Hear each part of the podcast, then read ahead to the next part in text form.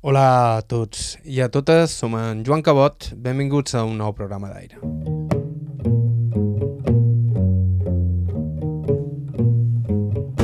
Avui amb dos testimonis, tots dos ben singulars. Per una banda, fa uns dies vàrem anar a visitar la barberia Tomeu a Sa Calatrava, a Palma, per parlar amb una de les institucions del barri, el perruquer Tomeu Pericàs, que des de fa tres dècades treballa en la mateixa barberia del carrer del Temple des d'on ha assistit a les transformacions d'un barri que, com bona part del centre de Palma, ha canviat radicalment, sobretot en els darrers anys.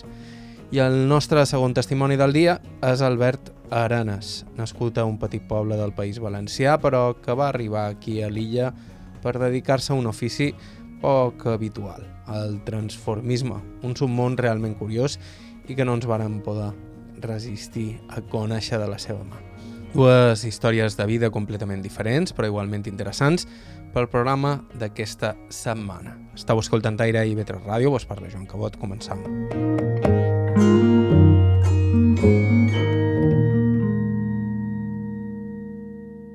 Jo faim a la barberia de Sa Calatrava, on en Tomeu just acaba d'obrir la seva oficina.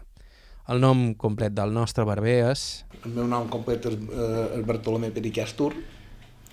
Vaig néixer el dia 29 d'abril de, del 61, el dia que, eh, mira, eh, i, vaig, i als 14 anys vaig començar de, de mosso, ensabonant i, i mira, i, fi, i fins ara. Va haver uns anys, eh, hi va haver un any que vaig estar a eh, Transport Pont perquè la manera de, de, de la barberia va canviar antes se venien a lo millor a afeitar dos tres pits per setmana, eh, pentinar-se i rentar el cap el eh, fin de setmana, que anaven, se venien molt de representant, venien dos, tres, dos pits o tres per setmana a pentinar-se, tot això va canviar, el tipus de moda, de la moda nova va canviar i, claro, jo estava amb un pare i va arribar un moment que no estava per tots dos i vaig de cercar, i fins que després me va sorgir aquests tres pares d'aquí Ton pare ja era barber? Sí, mon pare era barber. Eh, mon pare havia fet feina a Dandi i a Juvença. Dandi estava dins Galeria Velázquez i Juvença estava en Born, un primer pis. Tots dos estaven en un primer pis. I quants germans éreu?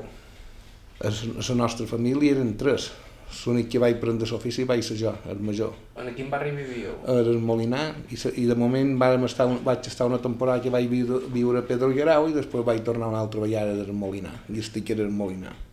Com era el Molinar llavors? Pues molt familiar, molt familiar, les verbenes, eh, tot era eh, els carrers, eh, tot era de la mateixa gent que feia l'empaperament, empaperàvem, i, fe, i eren festes familiars, no com ara, que a vegades són festes polítiques, que fiquen la política per mig, tant d'un costat com de l'altre, perquè ara mateix eh, ja vaig veure un, un parell de discussions, una temporada que varen posar els mates que, se, que se'n va anar als Estats Units allà com un àguila que se'n anava i ja, i ja veia gent discutir en aquest moment no és per posar eh, res de política a les verbenes eh, de cap partit, però, ni, ni d'un ni de l'altre. Les verbenes són per disfrutar el poble.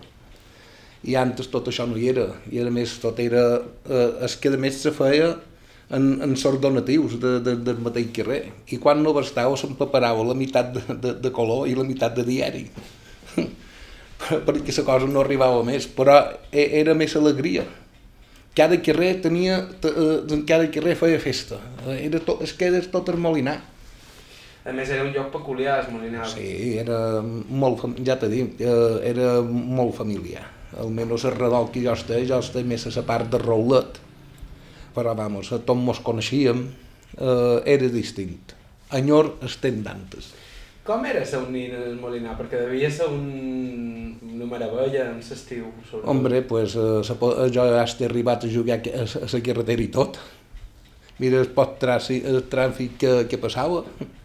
Però, bueno, que ha canviat molt. Ha canviat molt. Avui, pues, i moltes cases també de, de, de, de, la, primer, eh, de la primera línia eh, no té res que veure. Eh, avui estan reformades. Eh, S'ha perdut un poc l'estètica però bueno, avui eh, pràcticament una casa primera línia hi ha poques famílies que els puguin quedar quan se mor vell, perquè eh, una fatxada com això no, no, no s'escapa de, de milió i mig d'euros, vol dir que qui és qui, el, qui és qui els pot quedar de la família, com no siguin rics, però bueno, però un així tot és un encant viure allà. Com eren els teus pares? Pues tots dels mallorquins, pobres de lo primer, que, que eh, mon, eh, mon pare havia de fer dues feines, anar, anar a Titos i a la barberia per poder, per poder comprar un 124. A Titos? A Titos va fer feina de sa, de la barberia i s'anava a Titos. Bé, com la majoria de gent que feien dues, dues feines per poder mantenir la família. Però antes eh, dos, tres, quatre fills ens pujaven i pràcticament molts eren el sueldo d'un només i avui en el sueldo de dos no basta i a més després a lo millor muntaus un negoci fes molta feina però un dia. I avui eh, entre impostos i tot això alquilers és una barbaritat avui. Te va contar ton pare com va aprendre l'ofici de barber? Com um, igual, igual com jo. Jo vaig començar amb ell i va començar amb un mestre perquè el, el son pare d'ell, el predí, eh, era jardiner i ell va començar dins una, dins una barberia de mossa com jo, en sabonant, eh, la que ell va començar un poquet més pres que jo, jo vaig començar als 14. Ell me pareix que va començar de muntar 12 anys dins la barberia, que antes inclús eren més petits els infants, però bueno, igual eh, va començar quan, bueno, jo vaig començar que, com ell. Tomeu Pericàs tenia des de ben petit claríssima la seva vocació. En cap moment es va plantejar sa altra cosa que barber. Bueno, a part, era mal estudiant, però malament he servit per ser metge i volgut ser barber. Per l'ambient que hi havia dins la barberia, discussions, era un ambient tot, tot el dia estava plena. Este, tot el dia hi havia feina. A part d'això, eh, els vespres se reunien discussions, eh, era, no sé què dir eh, molt, molt familiar. A més, ja de petit jo ja m'agradava la barberia. On estava la primera barberia, mare? La primera barberia jo vaig començar a Escan Redó, que vaig estar mig any que per cert, el dueño de la barberia, quan mon pare li va dir que se'n anava, perquè li van, li van oferir-li per un traspàs de la barberia del Molinar, eh, se va posar a plorar i tot. Eh, era una bellíssima persona, un tal Don Llorenç. Era Bé, jo vaig allà estar mig any i després ja vàrem anar a la barberia de, de mon pare, que va, va estar un any en so jefe, en so que li traspassava i després la, la va coir per ell. I així, I així vaig començar.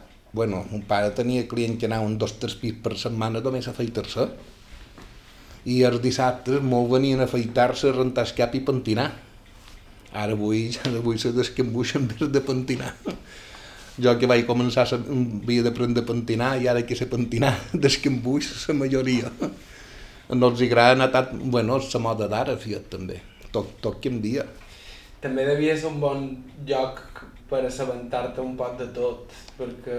Hombre, claro, la barberia t'enteraves de tot, eh, era com aquell que diu el segon confessionari, saps? Eh, eh, però bueno, eh, eh, però hi havia moltes relacions amb el client i el, i el barber antes més que avui en dia. I, i costa que jo encara tinc clients familiars, però no és un 100% com l'estent de mon pare.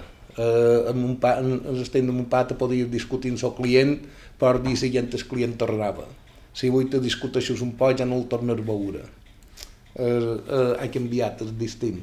Vares començar ensabonant, que també ensabonant, és una claro. que molta, que eh, en sabronxa, ensabonant, hombre, era com sense, sense abonau, fiat jo me'n recordo no ja mon pare se'n va anar a tirar la quiniela de futbol que jugaven amb una penya i va venir el mariner d'enfrente i vaig començar-lo, diu, collons, diu, me deixaràs la barra fet un semàforo perquè mon pare tardava en venir i me va obligar a començar-lo a afeitar, va ser el primer. Collons, fiat. Se'n va anar en trossos feitats, en trossos sense. Aquí li vaig fer dos teats. Collons, sí i, i però perquè vegi el que, és, lo, lo que era la cosa. Va arribar mon pare i me diu, ha vengut qualcú, li vaig dir no, i després obri la caixa i diu, i això què? Que et dot ves? I per què era dilluns? Diu, que et dot ves aquí? Dic que és que ha vengut en Rafael i m'ha obligat a fer lo Va sortir que teníem el club enfrente, perquè la barbarista era entre vora Camp Punta i el bar Molinar, que ara és, ara una, és una casa particular. I, i el va cridar l'olor, i així com el crida li fa així. i després sempre a la una passava per davant la barberia que se'n anava a dinar i se'n va anar per un altre post i el va cridar per telèfon i li diu no el renyis, que he estat jo que l'he obligat, ja vendré dimecres i quan va venir dimecres diu alerta que m'he donat me vaig a, a, a, a, fer una anellara a la cara me vaig repinyar i, i se'm fotien tots dos perquè vegis la part familiar que era eh, i molts, més, molts que també li deien a mon pare deixa que nin comenci, ja m'acabaràs tu avui això no se fa saps? Eh, ja t'he dit que és molt distint, és molt distint. Aposta com més va, més senyores tenen d'antes en qüestió de, de la feina, de, de, de, bé, de la feina, de, de sa, i en costa ja t'he dit, tinc clients encara molt familiars, encara. Com vas començar a afaitar, tens cabells? Perquè supos que era una cosa que anaves Hombre, fent poc a poc. Molt poc a poc, perquè ja, ja el que me cansava de donar voltes tot el dia mirant i després pues, començant a ensenyar en sos clients de confiança que li deien a mon pare deixa que comencin jo i bé més o menys de munter de 9 anys ja és quan ja sabia que veus eh, munter, però vaig tardar 5 anys bon per, per, per aprendre bé l'ofici eh, quin és el secret per tenir els cabells? Pues posa-li gust posa-li gust eh, i bé, que ha d'escoltar bé a la seva manera molt tenim distints, distints cortes però bé, eh, posa-li el gust en tot, com a tot tipus de feina, com la teua. Eh, tot, eh, depèn, depèn de, de, de, una cosa és fer feina que t'agradi i l'altra fer-la per obligació que no t'agradi perquè no tinguis altra cosa. Però... Així com ha canviat tot allò que envolta la barberia ha canviat també molt els gustos dels clients, el que te solen demanar... Bueno, en, en jo no tant, més o menys, més o menys tenc més o menys el mateix estil. Sí, hi ha algun corte un poc més modern, però el meu no m'ha variat molt. Més o menys pel tipus de clientela que tenc, que més o menys és com que és i com antes. No, això sí que no m'ha variat ara, eh, les modes han canviat molt tipus de retxes pues, i tot, tot aquest tipus de models que fan avui en dia és una altra època. Però bueno, eh, ja, per això hi ha els barbers nous d'avui en dia, o peluquers, saps? El que, els, el que els vulguin escoltar. Però ja t'he dit que ha, ha canviat la cosa. Parlem un poc de la barberia on estem. Eh, quan la vas agafar? Fa 30 anys? Ara sí, el, el dia 22 de novembre va fer 30 anys que la vaig agafar. Ha canviat la barriada, eh, s'ha millorat per una banda perquè antes estava un, poc, un poc abandonada, eh, s'ha millorat bastant, el que eh, en, part també han mort la ciutat. No, el que d'aquí del temple fins que no arribes a, a Sant Eulari no hi ha vida. Eh, eh, això de prohibir els cotxes, l'entrada i tot això perquè m'han llevat eh, eh, eh, amb, bueno, perquè vegis, la terrassa sempre aquesta d'aquí davant sempre està plena i ara hi ha poques vegades que hi estigui. I això és una, és una pena, és que els negocis des, eh, petits eh, eh, se'n miran que van desapareixent. Eh, és una cosa que eh, no, se pot, no se pot competir. I més en el que, que, que tot s'ha posat avui en dia. És caríssim tot avui, vol dir que eh, cada vegada és més difícil però bueno, hem de seguir luchant. Jo ja no me puc moure a altre puesto ja. Si fa 30 anys, estem parlant de principis dels anys 90... Jo vaig venir el, el, el 22 de novembre del 93. I va ser quan te vas independitzar de ton pare? O... Sí, bueno, eh, jo havia passat, este, havia estat una temporada a Transport Pons i havia passat a l'Esparo i després fins que vas i, i mentrestant estava cercant un puesto de que menys si trobàs algun local per, per començar per jo mateix. I fins que un companyero pues, de la feina d'allà em va dir jo va anar a un barber i ara la traspassa. I vaig arribar aquí i mira i vam entendre el traspàs i, i mira, i, va, i, i aquí va ser el començament. Molt difícil va ser el principi però bueno, eh, han anat sortint, fiat. Uh, quin, quin és el perfil de, de, de gent que, que tens de clients? Més o menys, bueno, el perfil és més de, de 30 anys per amunt, però entenc, entenc un parell de 20 també, entenc de joves, però és, és més de, de 30, més o menys, o de 27 per amunt, és, és més, ja són un poc més majors de, així de 12, de 15, on, tinc molt pocs. Clar, supos que són els residents del barri de tota la vida, de tota la vida, o de... O de per fora. Eh, eh, aquí, sí, així te, aquí tenim molt, molta mescla, tant de fora com, com, com d'aquí del barri. Ara, eh, no sé, de, antes, eh, com el Molinar mateix, pràcticament mon pare tenia el 80% del, del Molinar tenia un 20% de fora. Jo pràcticament tenc un, un 50 d'aquí un 50 de fora. No és el mateix, avui en dia.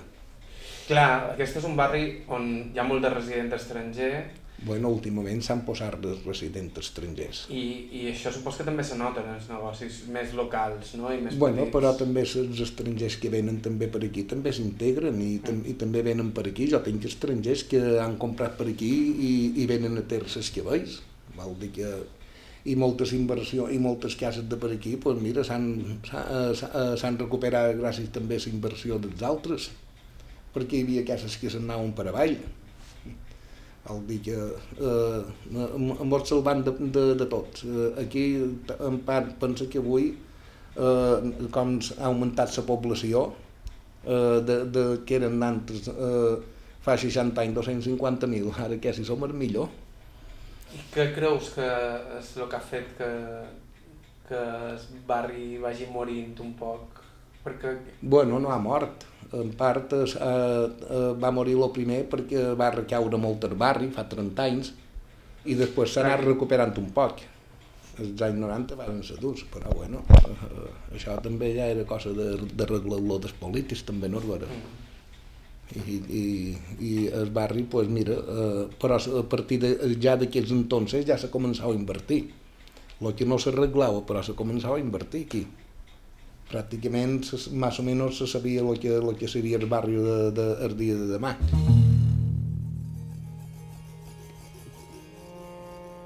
El negoci d'en Tomeu és dels pocs que queden en un barri que ha viscut moltes transformacions. La darrera, la gentrificació que està sotmès tot el casc antic de Palma i que a poc a poc ha anat buidant zones com la Calatrava dels negocis tradicionals. A més, la seva barberia té un poc de museu. Està plena de memorabilia lligada al negoci, però el primer que te trobes quan hi entres és un jukebox Burlitzer que encara funciona. Bueno, això ha estat una capritxada a lo darrer, que per cert funciona i és, i és, eh, i és del, el del 46, aquesta també és de, nou, de 1901, la, la registradora, i, molts, eh, i moltes fotografies d'aquí, eh, pràcticament el 90% són donades i un 85% són donades d'un companyero que feia feina una llibreria antes i, i, tem, i totes aquestes fotografies hem aconseguit a ells. El que no, li hem anat posant els marcos. Però to, pràcticament to, eh, aquella, aquella foto també el va d'un client dels Estats Units, eh, que el, el va trobar un mercadillo i és, i és una barberia de l'any 1851 que per cert encara no hi havia espal a la granera, si el veus allà, saps? I també se veu una registradora del fondo, també. Uh, però ara fi, figura quines cadires que eren tot ferro, allò, vamos, per, per moure aquesta cadira havien de ser dues persones. Aquesta encara és una de les antigues uh, i, i no és tan antic com allò, figura. Només lo davall de tot ja pesa més que tota la aquesta. Me fa gràcia que té per posar cigarro. Sí, hombre, eh, antes, antes se fumava. Antes cada dia havien de buidar-lo dues vegades a, a, a, a el cenicero. I ara ve d'adorno, és que és la gràcia, eh, jo no, no l'he llevat. I eh, la màquina Burlitzer? Sí, bueno, m'agrada tot el que és antic i, i, i com se diu... Eh, el gramòfon. El gramòfon també. I mira, eh, aquesta màquina d'escriure també la m'ha regalada un altre client, també, mm. saps? Eh, aquest quadre és així com, per, com anant tornant, que d'un company també que m'ha regalat, el me va regalar, eh, el que tornam, saps? I, eh, I per de dins és tot, eh, és, és autèntica. Aquesta no està tocada? No, mira-la. Clar, és que... I funciona, si després la vols sentir-la, veus? I l'has de carregar en discos tu, no? Eh, bueno, ja hi venien que ratllar lo que n'hi ha molt que són cançons espanyoles que, que els, hi va, els van posar de suplement però els, ja els aniré canviant. Eh, aquí se ficava la moneda, uh Ah. -huh. veus? Antes anava a dins la caixa aquesta i ara eh, últimament ja sortia aquí directament. Ja Lo m'hi ha... veus? Sí, sí. Eh, jo afegint vaig rompre-se d'això, bé, el vaig desferrar, que la moneda passava per aquí, se toqui aquest ferro Mhm. i se posa, en- eh, i s'espitja se posa en marxa. Hòstia, és que és un... Si després la, pau, la vau sentir... sé. Posa-la, posa-la. Ara. Sí. Mira. Sí, sí. I la per- tens en marxa tot el dia. No. Només és, és per mostrar-la, vol que sense el llum. Espera.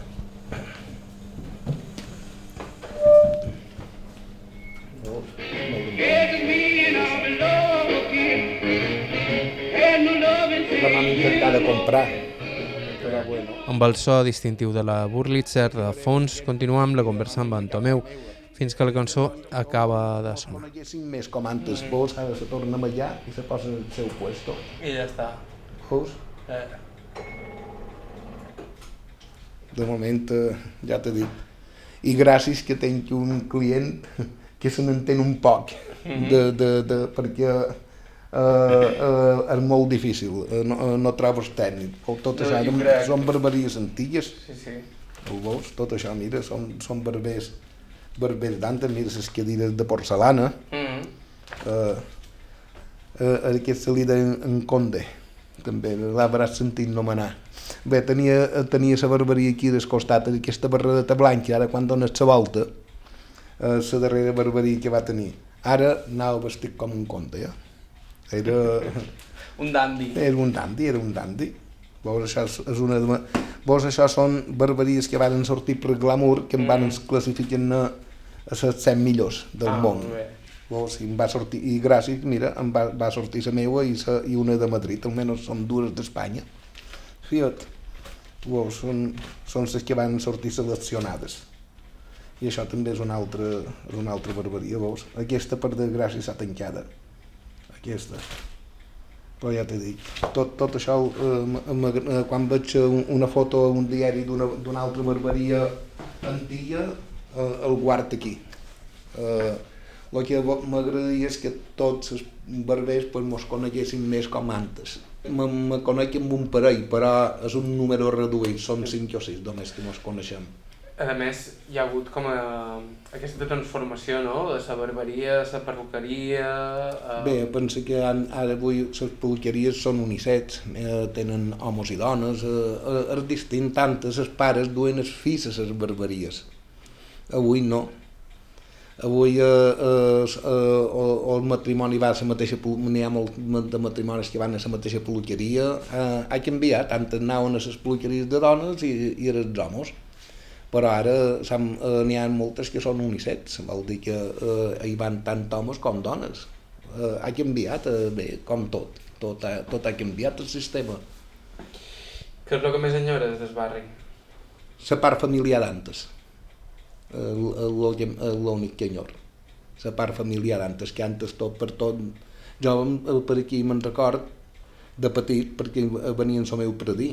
El meu predí havia nascut, havia, havia nascut aquí a la placeta, a Bonessa Font.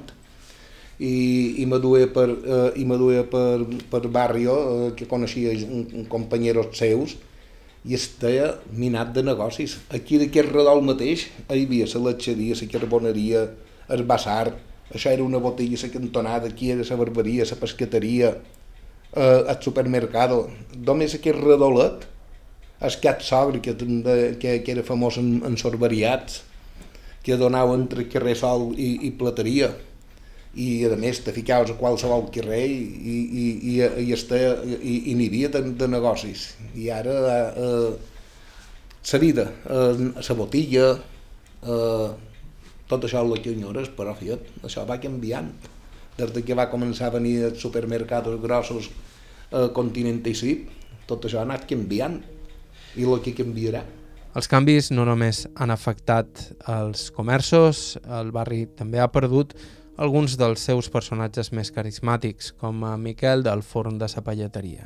era un, per, era un personatge, un del barrio, A més, venies, jo quan vaig venir aquí encara hi van venir eh, tre, eh, un parell que m'ho van fer la novetada de recient llegado però eh, va ser, com aquell que diu, eh, els primers dos anys. Eh, això també ha desaparegut.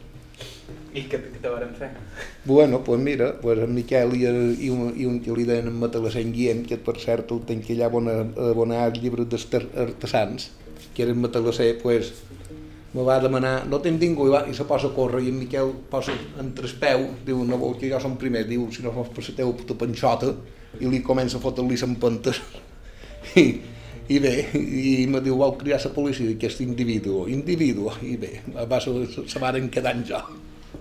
Però, és que, ah, i diu, li diu, si no fos per la barba, diria que ets en batalasser. Diu, diu, però collons, si jo som el veïnat, si som veïnat, què? Si, ah, perdonen, se donen besos, quebrons. I doncs això, això s'ha perdut, és una de les coses que antes, sobretot en els pobles, a les barriades se feia i després me'n van fer un parell de, de, de, de novetades d'aquestes, però però s'ha acabat. Antes era pràcticament eh, arribar un nou i no sé, te senties més acompanyat de, de, de, de tot d'una, saps què t'ho vull dir? I avui ets un estrany.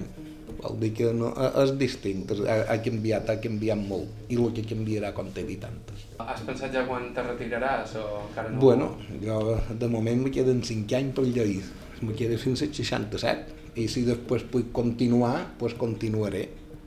Així com ara als 60 vaig començar a tancar els dilluns, penso que les barberies com la meva se van quedant, eh, hi ha un, un moment que se va quedant amb una clientela més reduïda. La peluqueria d'Andy mateix eh, va arribar un moment que obria dos pits per setmana i quan se va retirar, pues, que, quan que mon pare hi havia fet feina, pues, me va mandar un parell de clients i, i arriba un moment que va, te vas quedant amb, un, amb, un tip, amb, uns, amb una certa clientela. I arriba un moment que millor tant pot ser que va estigui vengui dos o tres dies eh, el temps ho dirà això no, no ho sé. Però bueno, ja t'he dit que se va, se, perquè si fos una cosa més moderna a lo millor aniria afegint gent jove però eh, no, jo tinc aquesta classe de, de, de la part un poc més antiga i, i de més cortes d'aquests moderns i tot això ja no en faig. Això ja és per la gent més jove i, i, i per que han començat ara. Que mira, ojalà tots els hi vagi bé. Que ojalà tots els comerços patint nassin per amunt. Ara no se tornarà a veure una botella que tingui cinc fills i pugui surar cinc fills només del negoci. Eh? Això ja, ja, ja és impossible. O poden-li donar-li estudis a tots. Eh? Però també antes que, aquestes persones s'aixecaven a les 4, a les 4 i mitja estaven al mercat, venien, rallaven i estaven fins a les 10 de, de, del vespre en el negoci obert. Eh? Avui nosaltres hem nascut un poc més senyors, eh? també. Eh? Pensa que venim de pares que han luchat molt, ens han pogut donar coses que ells no, no, no varen poder tenir, i aposta no mos han vist en la situació de, de, de luchar tant com ells, també. Eh? Uh, I quan hi ha hagut crisis, molt han tingut la sort que han tingut els pares que ens han pogut ajudar, i avui ja t'he dit que antes una, una hipoteca eren 10 anys, ja són 30. Pràcticament, quan la que van de pagar ja tenim dues parts de coses de cementeri. Eh? Era Tomeu Pericastur, el barber de Sa Calatrava. Primer dels dos testimonis d'avui, abans d'escoltar el segon, fem una breu pausa. Això és Aire i Vetre Ràdio, tornem en una estona.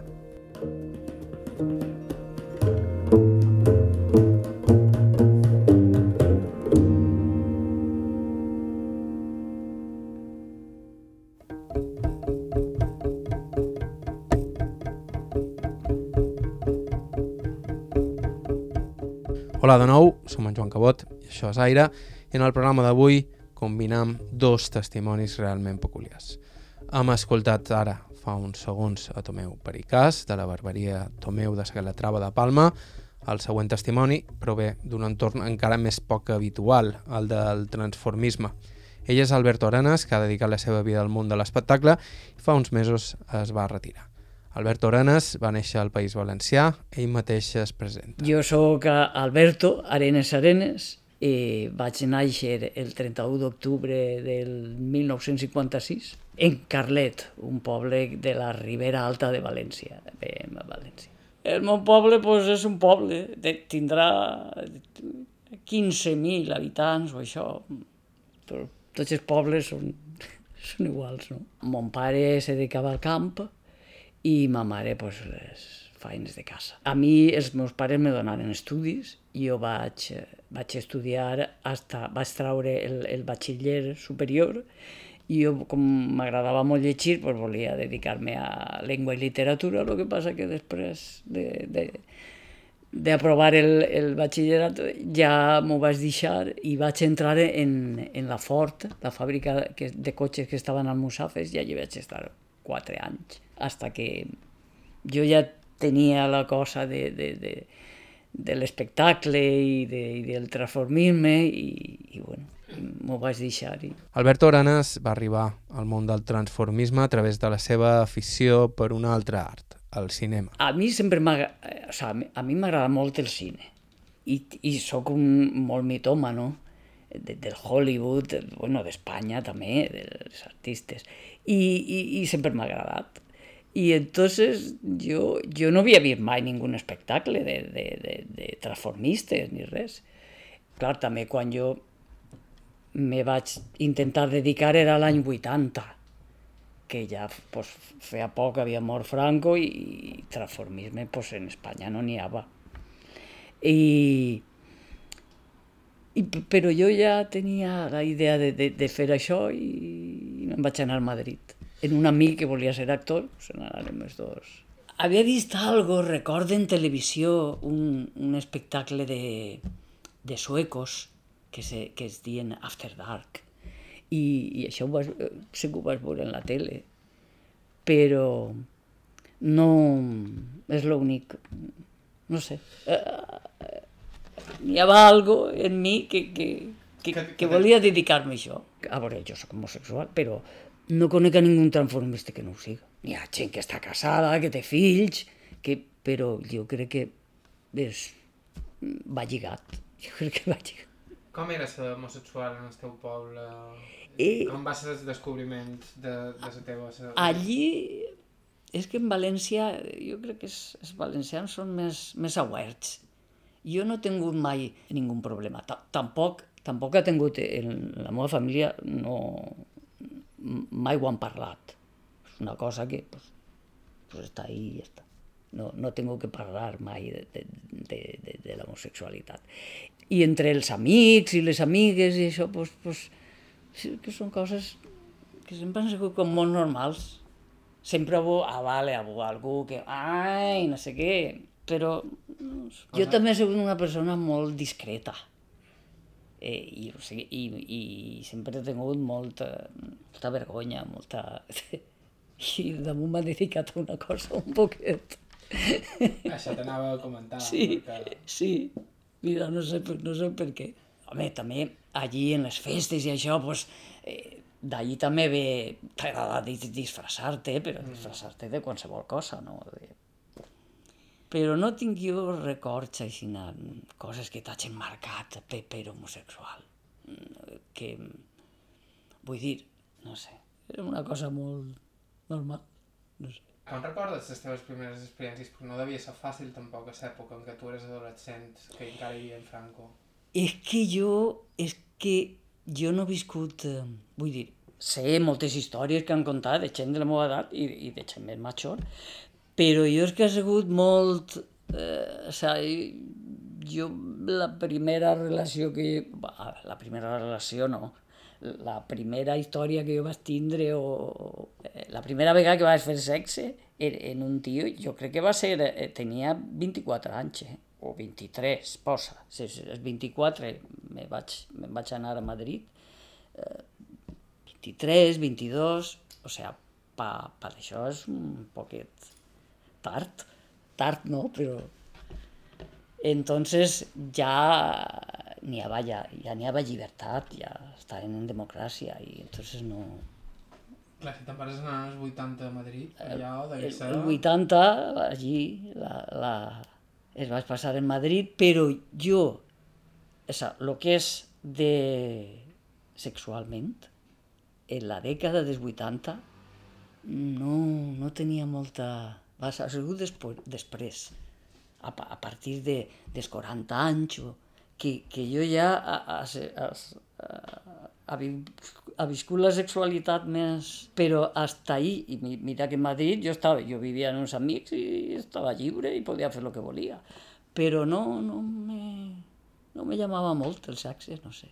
I mira que clavat en, en perquè ja actuava, ja treballava, ja anava a discoteques, eh, gais o no gais, o, pob, o, o, o bars de pobles, o, o festes.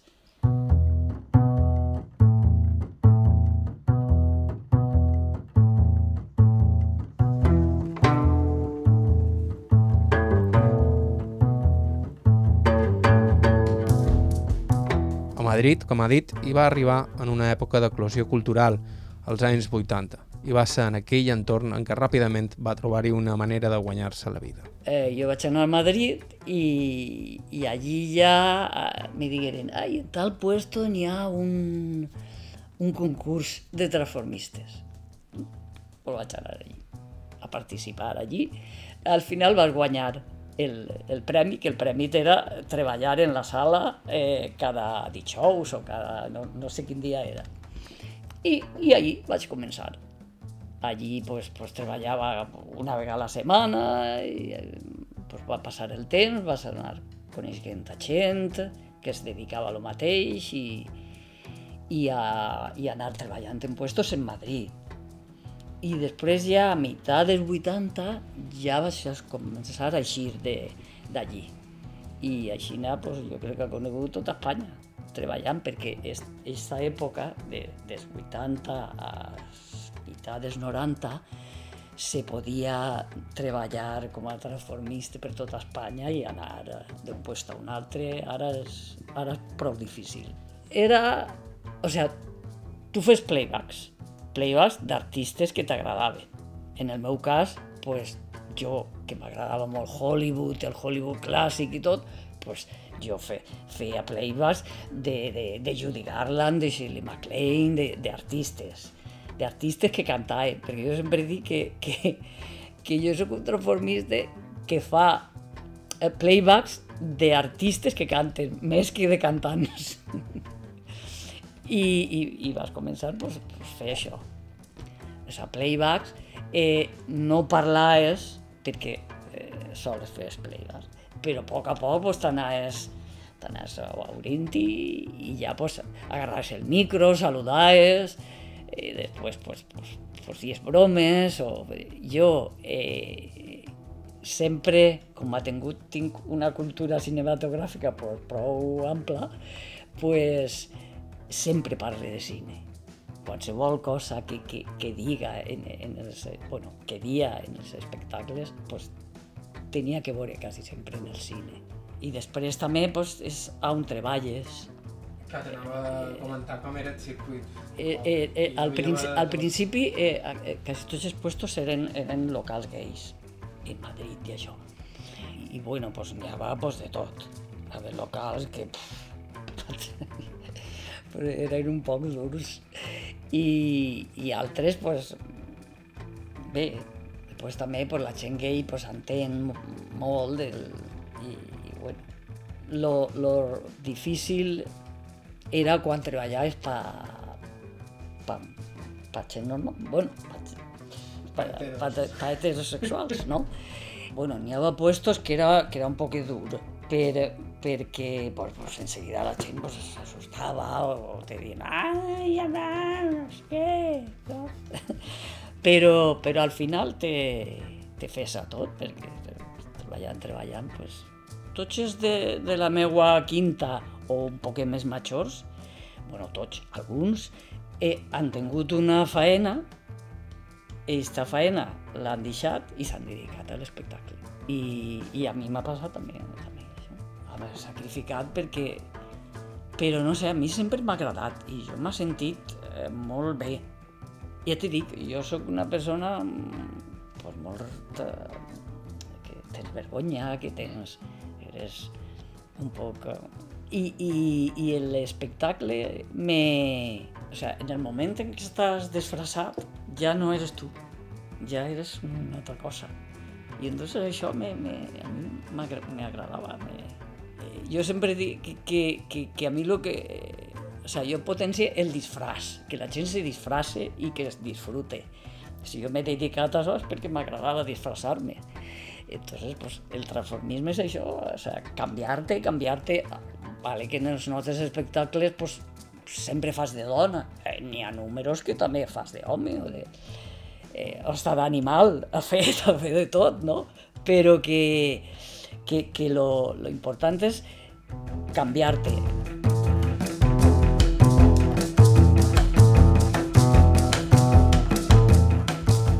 Mallorca pues, jo tenia així un company transformista, el que havien treballat junts, i ell estava així treballant en la discoteca Black Cat, en, en Gomila. I me va dir, ai, pues així necessiten uno, si vol vindre, ten i, i a veure què passa. I me vas vindre sense saber, eh, en aquesta època, pues, clar, les discoteques s'obrien tots els dies i n'hi havia faena tots els dies. I, i jo vaig vindre, vaig estar... Vaig vindre sense a veure, a veure. I vaig estar dos mesos.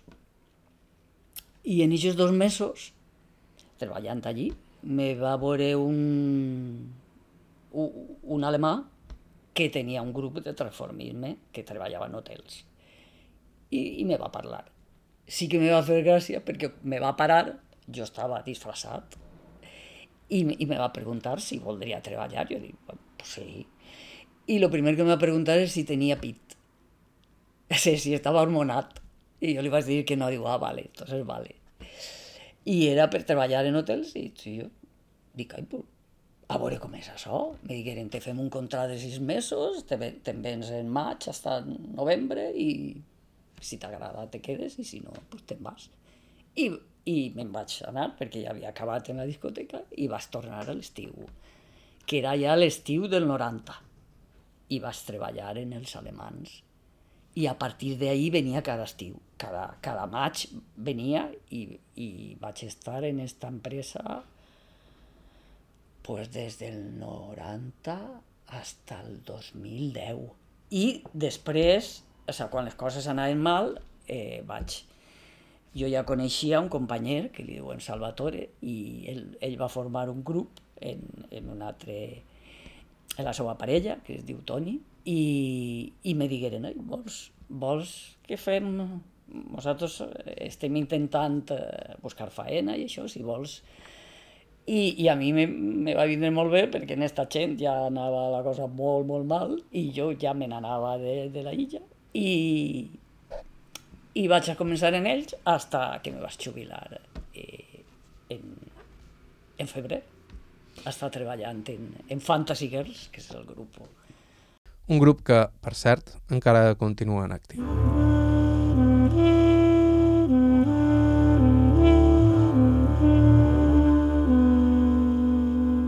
Fins aquí el programa d'avui. Moltíssimes gràcies a Tomeu Pericàs i a Albert Oranes pel seu temps i amabilitat i moltíssimes gràcies a Diego Iturriaga i Pep Díaz que van ser qui ens varen suggerir respectivament totes dues entrevistes. Si voleu fer el mateix, vos recordam que sempre estem cercant testimonis interessants, així que si teniu alguna proposta o suggeriment ens podeu escriure a aire.ivetraradio.com.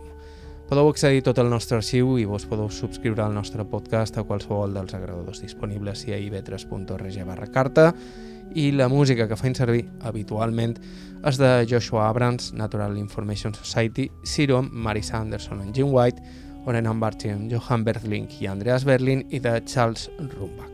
Bàrbara Ferrer a la producció executiva, pues ha parlat Joan Cabot. Gràcies per ser a l'altre costat i fins la setmana que ve. thank you